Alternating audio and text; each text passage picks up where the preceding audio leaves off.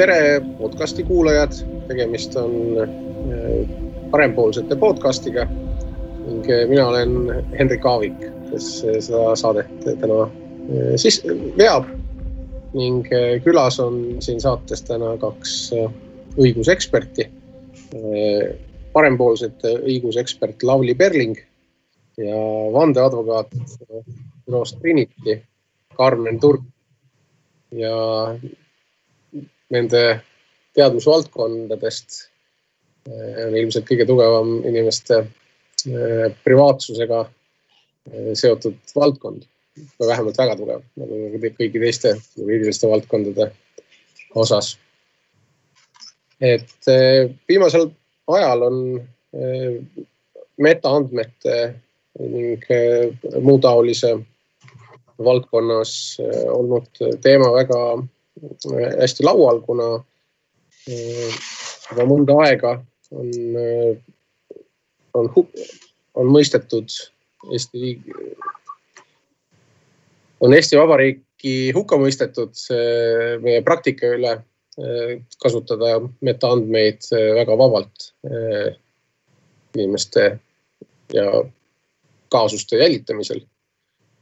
ja jälgimisel ning äh, sellepärast siis äh, on see täna, teema meil täna laual. et äh, äkki Karmen, annan sulle sõna, et kuidas sina sellesse valdkonda suhestud? no metaandmete all ilmselt äh, me mõtleme üheselt siis praegusel hetkel liiklus- ja asukoha andmeid äh,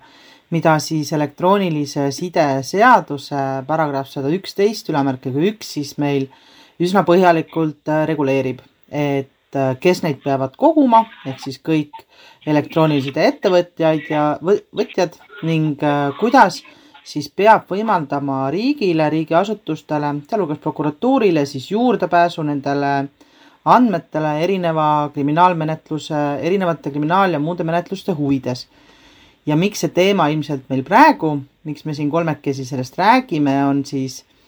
äh, teise märtsi Euroopa Kohtu suurkoja äh, otsus, äh, milles siis eelotsuse taotluse ehk siis selgituse, sellise palve selgitada Euroopa Liidu õigust, siis esitas Euroopa Liidu kohtule meie riigi kohus ühe Viru maakohtust pärit kriminaalmenetlusega seoses ja kus siis äh, Euroopa Liidu kohus siis selgitas, kuidas Euroopa Liidu õigus, eelkõige siis äh, inimõigused, privaatsusõigus ja andmekaitseõigus suhestub siis meie kehtivasse äh, õigusesse. et Lavly, kas sa oskad kuidagi veel täiendada, et miks see teema praegu on meil siin laual?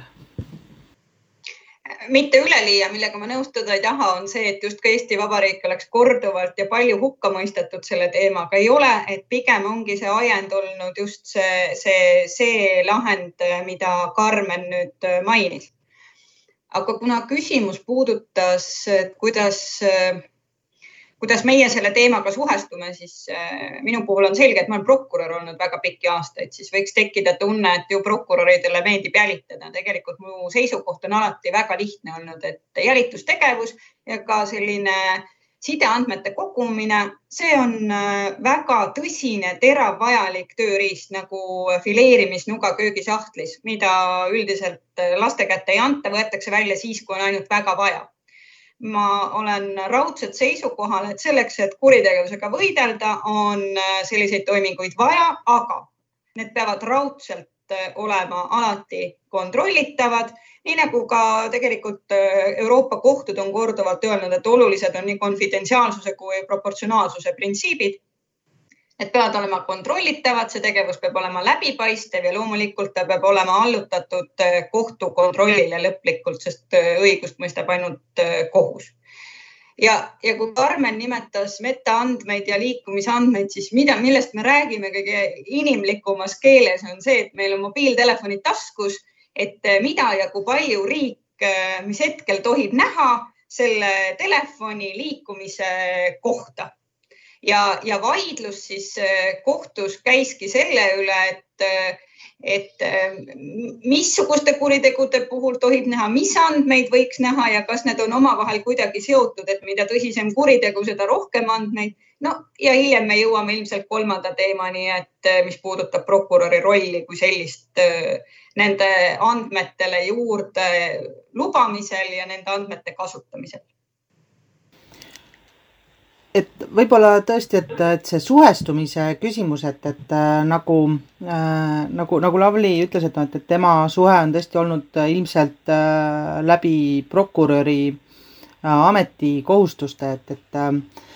et ma tean, et äh, ka meie saatejuhi Hendriku suhe on ilmselt äh, natukene võib-olla sarnasem siis minu suhtega, et minul ei ole läbi prokuratuuri suhteid olnud kunagi sideandmetega äh,. küll aga äh, läbi siis äh, erineva töö äh, erinevates organisatsioonides, et, et kui me vaatame, kuidas see, need sideandmed üldse meie seadusesse jõudsid, et äh, alates kaks tuhat seitse, kuus-seitse nad meil seal on olemas. et noh, alates kaks tuhat neliteist, kui Euroopa Liidu kohus siis tegi esimese sellise märgilise otsuse, millega ta siis ab initio ehk siis selle kehtima, kehtivuse algusest peale tühistas äh, andmete säilitamise direktiivi, mis on siis Euroopa Liidu õigusakt, kus need, äh, kus see kohustus ja viis ja võimalus äh, meie seadusesse ühel hetkel jõudis. et no eks alates sellest äh, on ka meie nii-öelda populaarteaduslikus meedias, aga ka õigusteaduslikus kirjanduses olnud nii ühte kui, kui teistpidi vaateid sellele, et, et kas elektroonilise side seadusesse jõudnud see nii-öelda äh, säilitamise ja, ja juurdepääsu võimaldamise kohustus siis sellesse, mis puutub tõesti seda, et kui telefon on taskus ja nüüd selle telefoniga mingi toimingu teed, et, et mis andmed, äh, kui kaua, kelle käes ja kuidas, siis mis on need andmete edasine saatus, et eks selle üle on äh, tegelikult siiski vähemalt alates siis äh, kaheksandast aprillist kaks tuhat neliteist Eestis samamoodi päris palju ju diskuteeritud jah, tõesti, tõesti, et ähm, ma ütlen veel kuulajatele taustaks ära, et äh, mina, Henrik Aavik, olen äh, Eesti internetikogukonna juhatuse liige, mis on rahvusvahelise internetikogukonna Eesti chapter. see on siis isok.ee, isok, isok C-ga on niisugune organisatsioon olemas ja taolised internetiõiguste või, või, või üldse inimeste õiguste teemad on meil tihti laual. ja, ja sellepärast olen tõesti kokku puutunud selle, selle teemaga varemgi. aga et hästi lihtsaks proovida rääkida see keeruline juriidiline teema, siis, siis ma võtan siis seni räägitu hästi lihtsalt kokku ja juristid, palun parandage mind, kui ma kohe nüüd midagi valesti ütlen. aga, aga suures plaanis oli kunagi nii, et Euroopa Liidus võeti vastu direktiiv, mis võimaldas äh, sellist äh, metaandmete äh, vaba kasutust jälitustegevuseks ning, ning see direktiiv võeti kohe ka Eestis vastu, harmoniseeriti Eestisse ja siis selle tulemusel kõik see, see tegevus peale hakkas kuid äh, samal ajal Euroopa Liidu kohus leidis, et see seadus on Euroopa Liidu seaduste vastane. ja, ja see direktiiv tühistati, kuid äh, ajaloolistel põhjustel on see Eestis tühistamata jäänud ja siiamaani Eestis kehtib. ja nüüd äh, aina rohkem tundub, et oleks aeg ka meil see uuesti ära tühistada kuna praegusel hetkel on äh, Riigikogus äh, just arutelus äh, vastav elektroonilise side seadus ja selle seaduse ainus mõte on taas harmoniseerida Euroopa Liidu direktiivi, siis, siis oleks vist mõistlik harmoniseerida see direktiiv sellisena, nagu ta Euroopa Liidus on, mitte jätta Eesti seadusesse alles seda harmoniseerimata osa, mis seal ajaloolistel põhjustel võib vist öelda, et vedel. Et... ei, ma, ma ei, ma ei üldse ei taha selle aruteluga nõus olla, sellepärast et see üldse ei ole nii üks-üheselt, et ei jääks nagu kõlama, et, et lihtsalt Eesti keerab Euroopale selja ja ütleb, et meid ei huvita, mis te seal teete. no ei ole nii. et ma arvan, et siin on äh, suurepärane võimalus olla advokaadiga ühte meelt, et, et, et Karmen teab samamoodi, et ega need kohtulahendid, et miks see õhku on jäänud, sellepärast et need kohtulahendid, mis tulevad, on väga erinevad. ega need vaidlused rahvusvahelisel tasandil käivad samamoodi nagu need diskussioonid ka Eesti sees ja, ja kuna seal on üksjagu vastuolusid, siis ei ole jõutud nagu, ega Eesti pole siin erand, üksjagu on neid riike, kus ei ole jõutud sellele seisukohale, et, et mida siis võtta, sest see ei ole ka saladus, et ringleb ka see variant, et jõuda nagu kolmanda variandini, et ei mitte nagu tühistada ja mitte see vahepealne direktiiv, vaid nagu hoopis uuel moel reguleerida ja see on omakorda kõik seotud sellega, et kogu see tehnoloogia pool ju areneb nii kiiresti. samamoodi, et miks need direktiivid nagu äh,, nagu muutuvad, et kui te jälgite seda tausta, siis päris sageli on need seotud mingisuguste Euroopat raputanud raskete kuritegudega ja, ja siis tuleb jälle mingisugune otsus, mis ütleb, et okei okay,, et võtame ikkagi sellise keskmise, keskmise suuna, sest noh, ma ütlen veelkord, et mina ei ole kunagi toetanud kergekäelist jälitamist, lausjälitamist, kergekäelist sideandmetele juurdepääsu. vastupidi, ma arvan, et selles osas peabki olema väga konservatiivne see peab olema väga suletud hulgale inimestel üleüldse juurdepääs, see peab olema väga kontrollitav. aga pigem ma loodan, et need diskussioonid äh, jätkuvad ja üks huvitav ala, mida ma ka tahan öelda, et need äh, Euroopa Kohtu lahendid, nii nagu ka äh, Tele2 lahend, et äh, ma arvan, et tõenäoliselt poliitiline tasand peab omasid diskussioone, praktikud peavad omasid diskussioone. ma kujutan ette, et advokaatide katusorganisatsioonidel on, on, on nendel diskussioonidel oma nurk, samal ajal kui peaprokurörid Euroopa tasandil ütlevad, aga öelge, mis me siis nagu tegema peame et äh, kas meil on neid andmeid vaja või me ei ole vaja, sellepärast et kõik riigid on surutud sinna, et Eesti kontekstist on lihtsalt näited, et kust sideandmeid, mis on tänu sideandmetele avastatud, et äh, ega nii-öelda kurikuulsat Ustimenko mõrva. See oli üks esimesi Eesti asju, kus võeti sideandmed nagu esimeseks selliseks toiminguks, mille alusel hakati, hakati seda kuritegu avastama me võime ainult nagu mõelda oleksi peale, kui ei oleks riik kiiresti reageerinud, sideandmete analüüsi peale teinud, mitu mõrva oleks veel tulnud. või äh, Veronika Taari, kus samamoodi võeti sideandmete, noh, nii me nimetame seda masseristuseks, et see, see tähendab seda, et need sideandmed võetakse ühe masti pinnal. ja nüüd ongi see küsimus, mille üle nagu arutatakse on, on, kui palju tohib andmeid, millal tohib, kui kaua neid säilitada tohib. paradoks on ju selles, et äh, selle säilitamise paradoks on see, et sellel hetkel, kui hakatakse säilitama midagi, ei teata ju seda, millal, kas ja kui palju vaja läheb.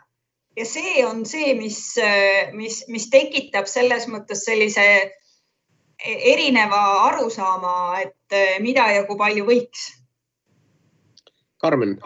ega noh, tõepoolest, et ma arvan, et äh, eriti, eriti sellega, mida, mida Lavly alguses tõesti ütles, et ega noh, nii lihtne see tõesti ei olnud nüüd, et ajaloolistel põhjustel justkui see seadus nüüd kuidagi jäi lihtsalt Eestisse, et, et täpselt noh, tõepoolest niimoodi see ei olnud, et ma arvan, et õigusteaduslikult oligi siin äh, noh, mitte nüüd juriidikat väga kasutada, aga siin oli nagu kaks väga selget leeri.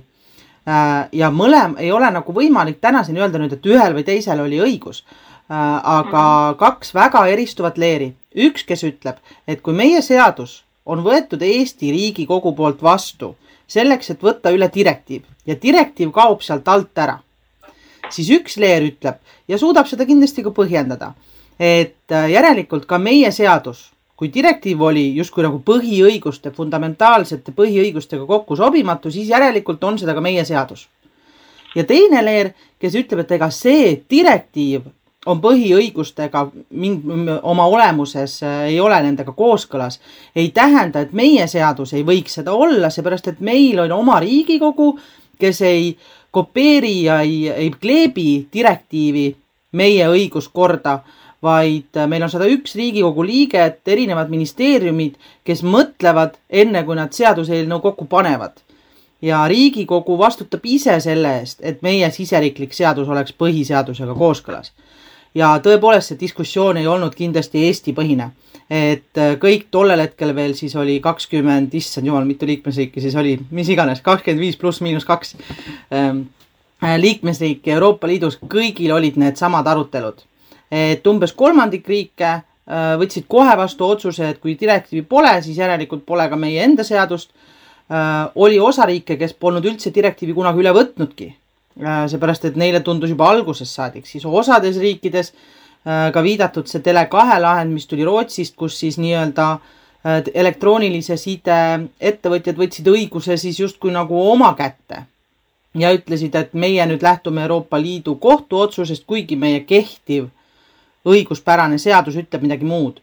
ja noh, siis saigi alguse see järgmine kohtuasi, kus siis kohus täpsustas äh, mida siis nüüd nende siseriiklike seadustega teha, et mida see valimatu kogumine, valimatu säilitamine, proportsionaalne kasutamine, mida see kõik võiks tähendada. et eks ta oligi õiguslikult väga keerukas olukord, sest sellist asja, et Euroopa Liidu kohus tühistab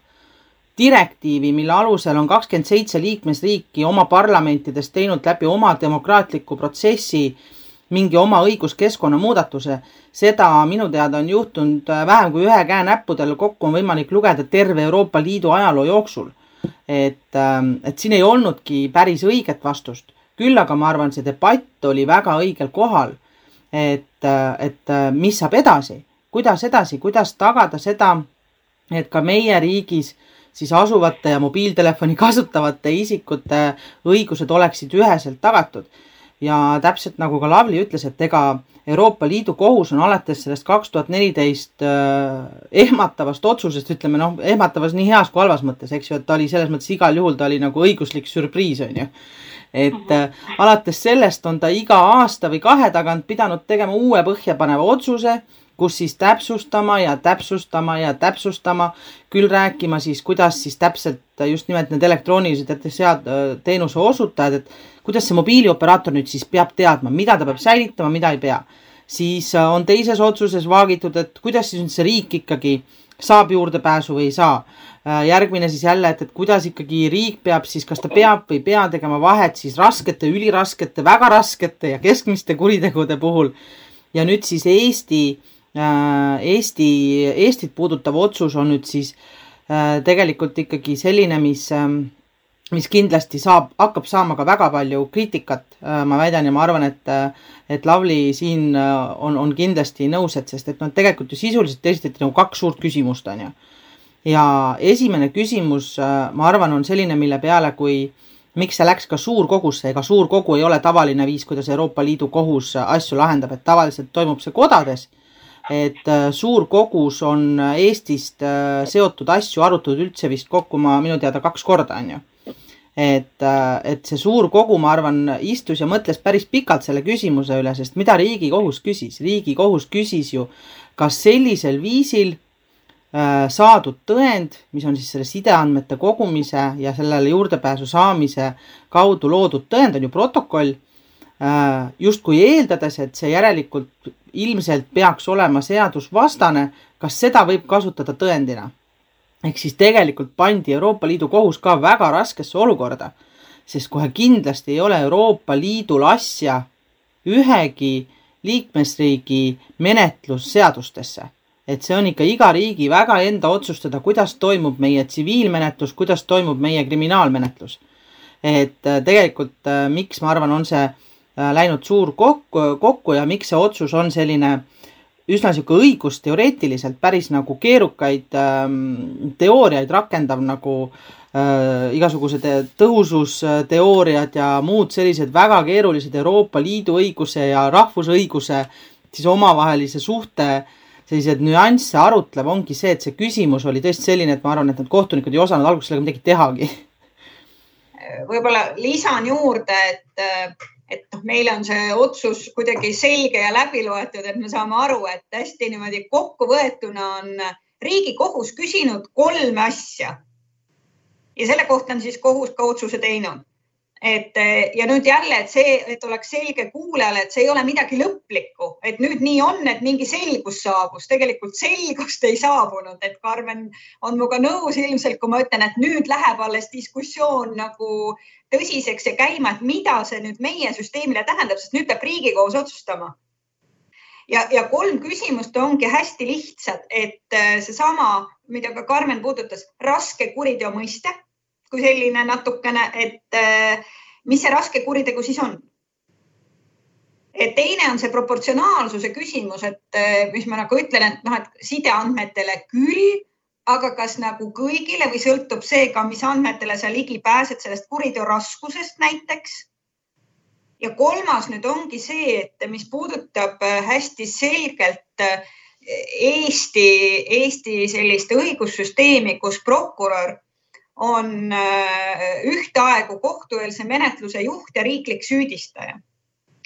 see on muideks rahvusvaheliselt selline suund ja tendents, milles suunas liigub terve maailm. on kaks huvitavat tendentsi, üks on see, et maailmas tekib järjest juurde sõjaväeprokuratuure ja teine on see, et, et see prokuratuuri roll üldiselt igal pool liigub sinna suunas, kus ta Eestis on. miks? Sellepärast et päris paljud riigid on jõudnud sinna, kuhu meie jõudsime kahe tuhandendate aastate alguses, üheksakümnendate lõpus. enne seda mäletate, prokuratuurilt roll kadus praktiliselt pärast nõukogude aega, see oli ka loogiline, et keegi ei tahtnud prokuröridest midagi kuuldagi, loodeti, et ehk saab üldse ilma hakkama. no ei saa demokraatlikus riigis ilma hakkama aga, aga, aga siis tekkis see küsimus, mäletate, oli aeg, et politsei muudkui püüdis kinni kurjategijad ja siis nad äh, kohtus mõisteti õigeks, lasti lahti ehk tegelikult tekkis meeletu vastuolu sellise ühiskondliku ootus, õiglustunde ja reaalsusega. siis tekkis see küsimus, et kes vastutab kriminaalmenetluse kvaliteedi eest ja sealt algas arenema see reform, mis siis päädis sellega, et alates kahe tuhande neljandast aastast kehtib süsteem, mille järgi prokuratuur vastutab kohtueelse uurimise eest. see tähendab, et ta koos oma uurimisasutusega peab tagama kohtukõlbulikud tõendid. ja Eesti on nii väike, et meil on olnud ka see luksus, et see prokurör, kes seda kohtueelset uurimist juhib, üldiselt äh, võib siis minna ka lõpuni, kuigi ka seal on nagu jällegi tuleb öelda, et mis tähendab lõpuni minek. Eestis on selline süsteem kus, kus üheksakümmend protsenti lõplikest menetlustotsustest jõuab lahendini lihtmenetluse raames ainult kümme protsenti jõuab võistlevasse menetlusse, see on see, kus Karmen on ühel pool lauda ja prokurör teisel pool lauda ja nad hakkavad kohut veenma. kohus on nii-öelda valge leht, et kumb pool siis võidab. kümme protsenti ja sinna ei tohi minna mitte teps kõik prokurörid, vaid ainult see ütleme kolmandik või natuke rohkem ringkonnaprokurörid või kõrgemad abiprokurörid, noh, sinna ei lähe, välja arvatud väga erandkorras. ja nüüd ka selle, jõuame sinna sideandmete ja, ja jälituseni. Ehk kolmas küsimus puudutabki siis prokuratuuri või prokuröri rolli, et kuidas nii saab, et prokurör annab ise loa ja pärast läheb selle tõendiga ka kohtusse välja, et kus on kohtulik kontroll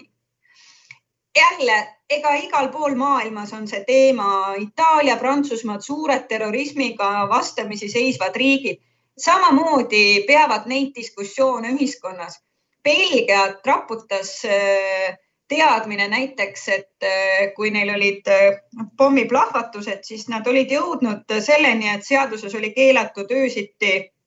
üldse kedagi kinni pidada ja, ja, ja see tähendas seda, et pärast neid plahvatusi noh, tegelikult kõik menetlused justkui seiskusid, sest seadus ei näinud ette.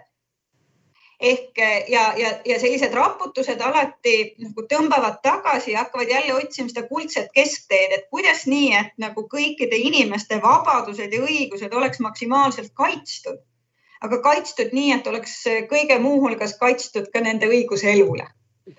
Et see on nüüd hästi dramaatiliselt öeldud ja noh, ütleme, et see ei ole võib-olla selle kohtuasja lugu, kus, kus mängus on vargus, pangakaardi kasutamine ja vägivald võimuesindaja vastu, need on need, mida, milles Eestis seda inimest süüdistati. aga, aga jah, need kolm asja, kuriteo raskus, proportsionaalsus ja prokuröri roll on need, mida siis sel korral kohus hindas. aitäh, Lavly, aga kas ähm,, aga mis siis see eelotsus oli, et äh, ma saan aru, et eelotsus oligi selle, et kasutada tohib ainult raskete kuritegude puhul. Jäeti täpsustamata, et mis asi on see raske, raske asja mõiste, aga või oli see? jah, ega väga lühidalt, Karmen aitab mind, oli see, et kasutada võib raske kuriteo puhul, aga muidugi nad ei ütle ette, mis on raske kuritegu Eh, proportsionaalsuse puhul nad ikkagi ütlevadki, et vahet ei ole nagu see ulatus ja, ja, ja kõik need muud kriteeriumid, et jällegi, et kõige tähtsam ikkagi ongi see kuriteo raskus, et nad jõuavad sellesama esimese punktini tagasi. Ja kolmandal nad siis näevad ikkagi eh, vastuolu seal, eh, et Eesti süsteemi ja Euroopa nõuete vahel, et see prokuröri roll või prokuröri tegevus selle loa andmisel peaks olema siiski allutatud kohtulikule kontrollile.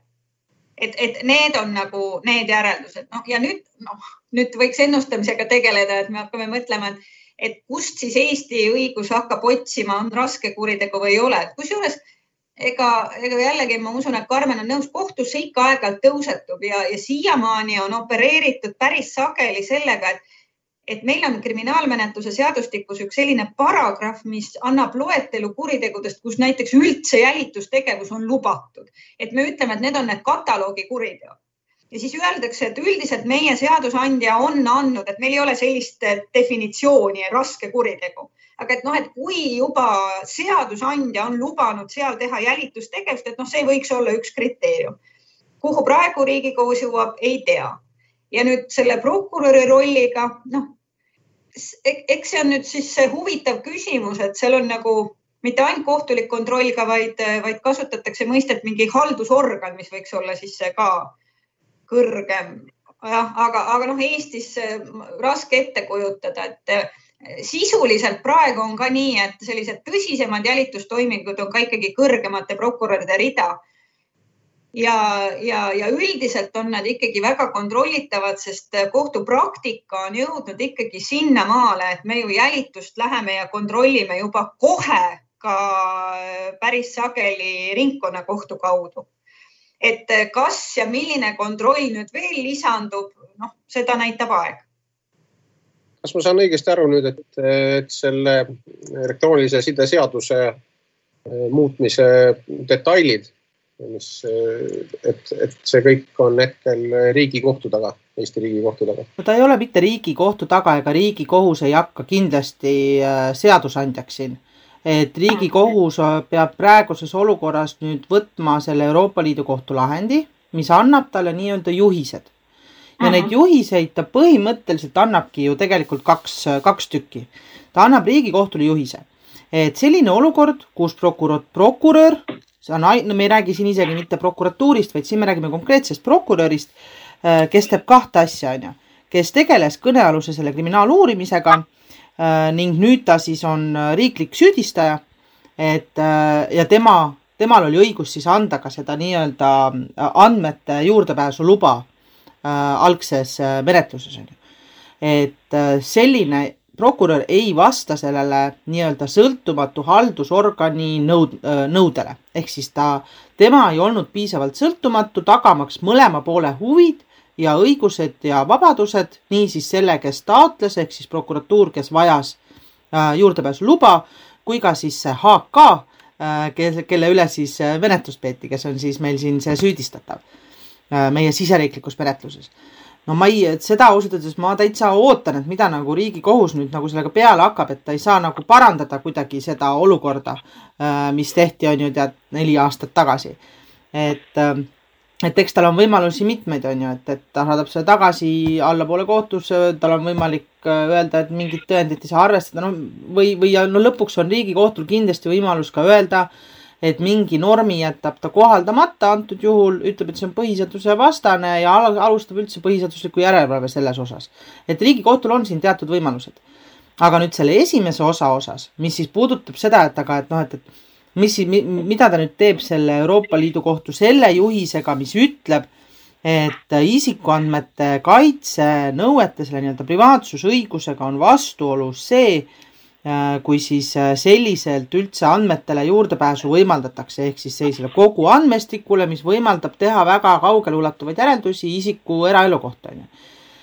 Noh, siin on tal ega Riigikohtul on jällegi täpselt samad võimalused, aga ükski nendest võimalustest ei hõlma seda, et Riigikohus hakkaks nüüd seadust ümber kirjutama et Riigikohus, jumal tänatud, ikkagi seadusi meil veel välja anda ei saaks, et kui saaks, siis jällegi päris, päris kaugele läheks nagu demokraatlikust riigist, on ju. et, et eks siin ikkagi on nagu Riigikohtu kätte jõuab see pall ühel või teisel viisil, aga muidugi Riigikohus peab ära lahendama konkreetse äh, kriminaalasja, mis äh, tema menetluses hetkel on, et äh, aga seda, kuidas ta teeb, kas ta jätab midagi kohaldamata, jätab mingi tõendi kõrvale äh,, Äh, sunnib alamastme kohtuid äh, asjale uuesti mõtlema, alustab põhiseaduslikkuse järelevalve, noh, see on juba Riigikohtu otsustada, aga Riigikogu saab kindlasti nüüd tööd. sest üht-teist tuleb ümber teha, et noh, võtame kasvõi seesama raske kuritegu, millele tõesti Euroopa Liidu kohus äh, väga selgelt ütleb, et noh, et niimoodi päris ei saa ja no tõepoolest meie, meie Eesti õiguskorras sideandmetele juurdepääs ei ole isegi mitte piiratud kriminaalmenetlusega Äh, ehk siis nii-öelda kuritegude suhtes tehtava menetlusega, olenemata siis, kas on raskemad või kergemad kuriteod. me räägime siin ka väärteomenetlusest, alates sellest, et tead, vales kohas on ka kalastamisega, no ühesõnaga väga paljudes eriseadustes on ju, äh, on samamoodi äh, viited sellele, et, et sideandmete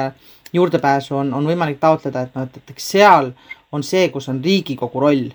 hakata nüüd otsustama, et, et tõesti, et kas võtta aluseks see nii-öelda kataloogi kuriteod on ju, mis on, on tõesti see, kus jälitustegevus on äh, lubatud, võtta aluseks esimese, teise astme kuritegude lahterdus, et neid võimalusi on kindlasti veel, et, et meie õigus kindlasti seda võimaldab, et et see mingisugune otsus teha, aga ka ega Euroopa Liidu kohus ise ütleb, et ega tegelikult äh, võibki olla niimoodi, et seda, kas kuritegu on lõpuks raske või mitte,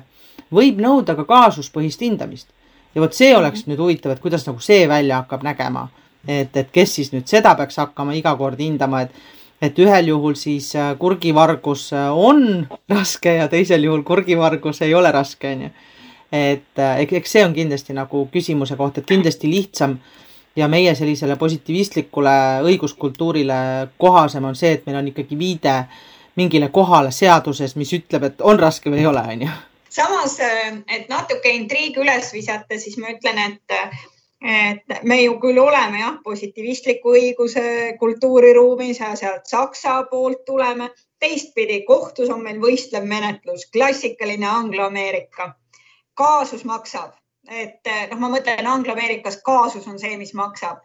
Ehk äh, võta sa kinni ja, ja ma pean tunnistama, et olles nagu sadades asjades olnud ise prokurör ja ilmselt tuhandeid asju kõrvalt näinud, et, et äh, see kaasuspõhine lähenemine, mul on tulnud ikka ja jälle nagu üks mõte, on seesama, et arutelu selle kohta, et kas mõni kuritegu on kerge või ei ole, et noh, lihtne küsimus, kas jalgrattavargus on raske kuritegu või ei ole raske kuritegu noh, olgem ausad, esimene reaktsioon on, et ei ole raske kuritegu. no arvestades, et meil on, ma ei tea, hetkel õhus on ju pedofiilia, röövid, tapmised on ju ja siis tuleb jalgrattavargus. Aga teate, kui sa vaatad otsa nendele vanematele, kes on aasta raha kogunud, ostnud lapsele jalgratta, see varastatakse ära selle lapse sünnipäeva järgsel, järgmisel päeval sealt trepikojast ja see laps ei saa enam äh, ilmselt Eh, järgmised mitu aastat uut ratast, siis järsku muutub see jalgrattavargus raskeks kuriteoks. Kas pole nii? ja nüüd ma küll, muidugi võib öelda alati emotsioonidega ei ole juuras mingit pistmist, et eh, ega üldiselt ei tohigi palju olla. aga ma olen alati selle peale juurde lisanud, et kui emotsioonid meie töös üldse ära kaovad, siis tuleb ära minna. ehk sa noh, et, et see et, et ma, ma ei, ma ise ei toeta loomulikult sellist päris lahti jätmist ja öeldagi, et nii tõsine asi nagu raske kuritegu, et jääkski nüüd iga prokuröri otsustada või uurija otsustada. Aga et äh,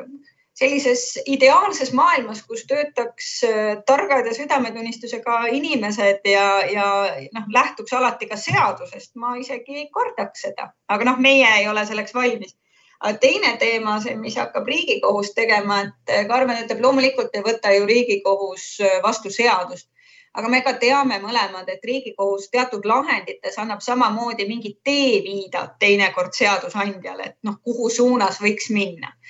ma olen ise alati mõtisklenud, et kui räägid Saksa kolleegidega, et eh, nendel on see praktika palju tugevam, et seal riigikohus annab palju tugevamalt ette seadusandjale mingisugused sellised suunad. et seal on hästi huvitav praktika ka ju selles, et kui nad nagu näevad, et täitevvõim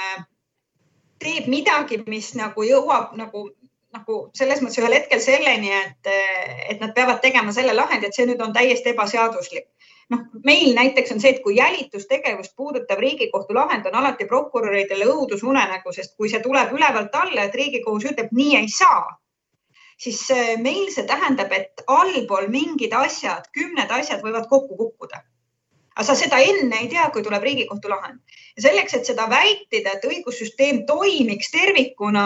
on, on noh, Saksamaa ütleb, et Riigikohus hakkab juba ette märku andma, aga seal liiguvadki kõik asjad märksa aeglasemalt kui meil, eks ju. see on nagu selle asja pahupool aga põhimõtteliselt nad hakkavad ette andma, et kuulge, see asi, noh, antud juhul näiteks, et kuulge, see prokuröri roll siin ei ole kooskõlas nende, nende Euroopa Liidu sätetega, vaadake seda. Ja nüüd ta annab mingi aja, noh, selles mõttes, et ta ei anna mitte tähtaega, aga ta annab väga selgelt märku, aga veel ei loe seda nagu nagu totaalselt ebaseaduslikuks või kohtukõlbmatuks. et see annab võimaluse punkt üks, seadusandjal süsteemi muuta, punkt kaks, täitevvõimul ennast ümber kohandada ja punkt kolm, siis kui jõuab uus praktika kohtusse, siis noh, ei teki ka seda tunnetust, sellist ebaõigluse tunnetust ühiskonnas, et noh, ikka need, kellelt on varastatud ja need, kes on kannatanud, need ei taha kuulda seda, et sa ütled, kuulge, teil on täitsa tühine kuritegu tead, kusjuures äh, ma arvan, et igal teisel juhul ma oleksin, äh, oleksingi sellega nõus. Äh, aga siin on kaks, kaks asja, miks ma võib-olla olen siin kohas teisel arvamusel. no esiteks on muidugi see, et see elektroonilise side seaduse paragrahv sada üksteist ülemärkega üks on olnud äh, ma arvan, minu elus, minu jaoks väljaspool põhiseadust kindlasti üks loetavamaid norme minu, minu jaoks on ju. ehk siis, et ma olen tõesti aastaid olnud veendunud, et, et see sellisena nagu püsima jääda ei saa. aga, ja teiseks, äh, kuna Euroopa Liidu kohus ja me, ja ma arvan, juristidena äh, on, on täiesti põhjendatud siin öelda, et Euroopa Liidu kohus astus üle enda äh, pädevuse piiride aga selge on see, et ta selle otsusesse kirja pani ja vot siit ma nüüd ei ole küll kindel, kuidas Riigikohus saaks äh, praegu siis rakendada seda nii-öelda pehmet justkui nagu suuna andmist, on ju, äh, ja kõigile natukene aega. Äh, sest et esiteks eelotsuse, eelotsuseid reeglina Euroopa Liidu kohtust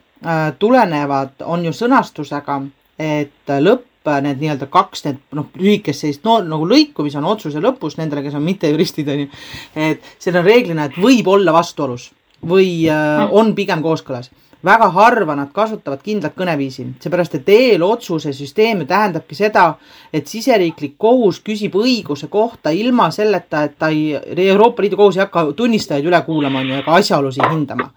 Ehk siis, et Euroopa Liidu kohus annabki tavaliselt juhise, et see võib olla pigem vastuolus ja siseriiklik kohus on see, kes peaks otsustama. antud juhul Euroopa Liidu kohus äh, kasutas nagu selget kõneviisi on ju, ütles, et see on vastuolus ilma reservatsioonideta. ja teiseks oma põhjendustes ja vot siin ma olen nüüd küll juristina küll nõus, et mul on tunne, et Euroopa Liidu kohus astus nagu väljapoole kõvasti sellest ringist, mis on tema siis nii-öelda jurisdiktsioon ja pädevus. ehk siis see osa, kus Euroopa Liidu kohus pikalt siis analüüsib seda, mida meie siseriiklik kriminaalkohus peab kriminaalmenetluse seaduse alusel läbiviidavas menetluses tegema või mitte tegema. ja ta mm -hmm. ütleb seal sellise äh, lause, mis äh, ja ma ütlengi, et juristidena ma arvan, see lause on nagu kirss tordil. et äh, noh, et, et ma arvan, selliseid debatte teha juristide seas, et kas nii üldse sai öelda, kas võis, mida see tähendab tuleviku Euroopa Liidu jaoks aga noh, selge on see, et seal kirjas on, on ju, et tõhususe põhimõttest lähtuvalt äh, kohustab ta liikmesriigi kriminaalkohut äh, tegelikult jätma kuritegusid siis kahtlustatavate isikute suhtes alustatud menetluses siis arvesse võtmata sellised tõendid, mis on saadud siis liiklus- ja asukoha andmete üldise selle säilitamise teel, mis on liidu õigusega vastuolus, on ju. ehk siis, et juristina ma olen nõus, Euroopa Liidu kohus ei oleks tohtinud seda sellisena kirja panna aga kuna ta selle sinna kirja pani, siis mina tahaks küll olla seal Riigikohtu äh, arutelu äh, juures seal tagaruumis kärbes seina peal ja kuulata, kuidas nad nüüd sellest prooviksid välja tulla just nimelt sellel eesmärgil, millele sagi viitasid et tänaseks on meil menetlusi, mis on kestnud juba aastaid, aastaid, aastaid ja kus on tõendiks just nimelt seesama protokoll, mille üle siin vaidlus käib, on ju. Et ega need menetlused ei saa nagu korraga panna neil punane lint ümber ja öelda, et palun minge. see ongi jah see, et Riigikohus selle,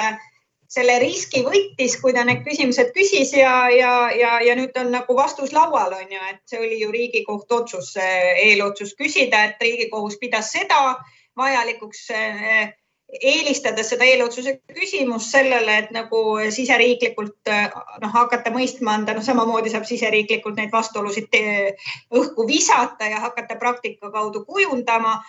ja siis minna eelotsust küsima, aga praegu ikkagi otsustatigi minna. teine variant on see, et me ei ole keegi olnud kärbes seal nõupidamistoa seinal, et me ei tea, et võib-olla see Riigikohtu jaoks ei ole esmane kord, et võib-olla see oligi juba nii mitmes kord, et nüüd otsustati minna küsima eelotsust. Aga kas ähm, mingit sellist võimalust ei ole, et, et äh, lihtsalt jäetakse ära see nii-öelda tagasiulatavus, et äh, võetakse teadmiseks see, et nüüdsest on nii? Või sellepärast, et noh, on ju meediast läbi käinud, et äh, advokaadid teatavad, et oh, kus nüüd tuleb tühistamiste laine see on keeruline, sest üldiselt kehtib kuulajate jaoks võib-olla oluline põhimõte, et karistusseaduse puhul, karistusseaduse puhul kehtib see seadus, mis toimub, mis kehtib kuriteo toimepanemise ajal. menetlusseadus kehtib sellel ajal, kui menetlus käib. et see on selline noh, hästi mustvalgelt, et detailides võib olla eri, aga see on nagu üldiselt selline põhimõte et see on põhiseadusest tulenev põhimõte, mille järgi on ju kogu kriminaalsüsteem meil töötab, noh et ähm, see on nii, et, et selles mõttes ma olen täitsa veendunud tõesti, et iga advokaat, kes täna, kelle, kes täna on äh, kaitsemenetluses, kus selline tõend on olemas ja kui ta näeb, et sellel menetlusel on, menetluses sellel tõendil on natukenegi suurem tähendus kui lihtsalt see, et ta on seal toimikus igaks juhuks, siis ma arvan, et ta sellele ka tugineb, noh, et, et see on nagu arusaadav kaitse rollist et noh, eks prokurörid äh, peavad siin nagu pead kokku panema ja mõtlema, et mis nad nagu sellises olukorras noh, hakkavad siis ähm, ütlema just nimelt nende menetluste osas, mis on juba noh, toimunud, need on juba tehtud, on ju. et nad ei, siin ei ole võimalik ka prokuratuuril kuidagi nüüd öelda, et noh, et, et noh, homme, kui Riigikohus noh, võtab uue seaduse vastu, et siis me teemegi teistmoodi, et aga me tegime ju seaduse järgi, et noh, mis noh, ei saagi midagi teha, on ju ja aga alati, kui sellised emotsionaalsed hetked tekkisid, et mis me nüüd teeme, siis ma alati ütlen, et ei tohi seda nüüd kuidagi äh, hinge ja isiklikult võtta, et äh, kokkuvõttes ei ole ei jälitustegevuse ega sideandmete kogumine selline prokuröride või õigussüsteemi eralõbu. me teeme seda nagu oleme teinud alati nagu parima, parima, parimat silmas pidades nii et kui nii juhtub, et, et ega see pole pelgalt selline õigusteema ehk mis on raske kuritegu või, või millal tohib jälitada, millal ei tohi. olgem ausad, selle õiguse all on ju ka teatud ühiskondlikud kokkulepped. ehk, ehk ütleme jälle need sideandmed on nagu justkui nagu selle jälitustegevuse väike poeg on ju, või ma ei oska, väike sugulane või ma ei oska seda muud moodi nagu kuidagi kuulajale hästi lihtsalt seletada, et et noh, ta, ta, teda kasutatakse jah, laiemalt ja nii edasi, aga see on aeg-ajalt küsimus, ma hüppan korraks sellele teemale, kus ikka tõusetub diskussioon ühiskonnas, et jälitatakse liiga palju. no olete kõik kuulnud seda väidet ja, ja, ja siis eriti see tõusetub, kui on korruptsiooni asjad, no siis jälitatakse eriti palju, onju. sest mulle on alati meeldinud nagu öelda, et üldiselt peavad nagu härrad ja prouad poliitikud otsustama, et kas me tahame et äh, me oleme raskete kuritegude puhul, kus on küber, kus on terrorism, kus on riigireetmised ja kus on ka korruptsioon, tõhusad ja tulemuslikud või me ei taha. aga te ei saa valida, et äh, teeme nii, et prokuratuur, et me nagu seal nagu küberis ja terrorismis ja seal üldiselt oleme nagu rahapesu vastu võitleme hästi äh, tõhusalt. no see korruptsioon, et noh, seal äkki on teised tööriistad tööriistakastis on samad. ja nii lihtne see ongi no ma loodan ka siis, et äh, tuleb otsus selle kohta, et korruptsioon on raske kuritegu ja, ja seal seda hakatakse siis äh, niimoodi käsitlema. meie saate aeg hakkab vaikselt äh, lõpupoole jõudma ja oli erakordselt huvitav saade teiega vestelda, et see on, teema on mulle kogu aeg huvitav tundunud. ja, ja nüüd sai selle minule küll väga palju selgemaks, ma loodan, et ka kuulajatele. kas on Lavly või, või Karmen teil äkki viimane mõte öelda veel, et, et see teema kuidagi nüüd tänaseks kokku võtta? ma arvan, et minu ainuke teema ongi, et äh, seda teemat ei tohigi jätta ainult juristidele võib-olla pureda, et äh, mida laiemalt see diskussioon ühiskonnas äh, ka aset leiab ja inimesed näevad mingite otsuste kujunemiste taustasid, ma arvan, seda teadlikumaks muutuvad inimesed ja mida targemad inimesed ühiskonnas on, seda tugevam on ühiskond. ja, ja Karmen? Mina, ma ei tea, lõpetuseks võib-olla ütleks tõesti, et, et äh, et tegelikult äh, ma usun küll, et nagu Eesti vähemalt elektroonilise side seaduse paragrahv sada üksteist sellisel kujul, nagu ta täna meil on, et äh, ta noh, arvestades, ta sai alguse on ju seal nende kaks tuhat viis aasta on ju Londoni ja Madridi pommitamised, siis tuli direktiiv, siis tuli terve ridu-rada otsuseid Euroopa Liidu kohtust, igaüks natukene teisest erinev. Ja no lõpuks nüüd siis see Eesti kohta otsus, et äh, mina soovin lihtsalt jõudu ja tarkust äh, leida see õiglane tasakaal nende kahe väga tähtsa huvi vahel on ju, et ühed on meie õigused, vabadused, teised on ka see, et me tahame elada ikkagi sellises riigis, äh, mis ei ole nagu korruptsiooniindeksis äh, Bangladeshiga ei kakle seal on ju esikümne koha pärast on ju. Et ja kus võib ka nagu julgelt minna Tallinna bussijaama ilma kartmata, et, et no ilm, ilmselt me oleme mingi punases ja kohe midagi juhtub et ma arvan, et see tasakaal on seal vahel, see on kriminaalpoliitikale kindlasti järgmise, ma arvan, siin aasta suureks äh, väljakutseks leida see äh, viis, aga, aga samas ma olen ikkagi, südames on mul nagu lilled ja kevad tänu sellele, et, et vähemalt enam ei ole see olukord, mis meil on olnud nagu aastaid, mis teeb lihtsalt kurvaks, kus nagu lihtsalt peidame pea liiva alla, ütleme, et ei, nii nagu on, on hästi. et kuigi tegelikult ju noh, oleks väikeseid õmbluseid tehes ilmselt saanud juba ammu Äh, teha niimoodi, et olekski olnud hästi. et ma soovin jah, kriminaalpoliitika kujundajatele nagu tõmban kraapsu ja niksu ja, ja kõike järgmise töö, aasta töö, tööplaani koostamisel. no selge, siis seega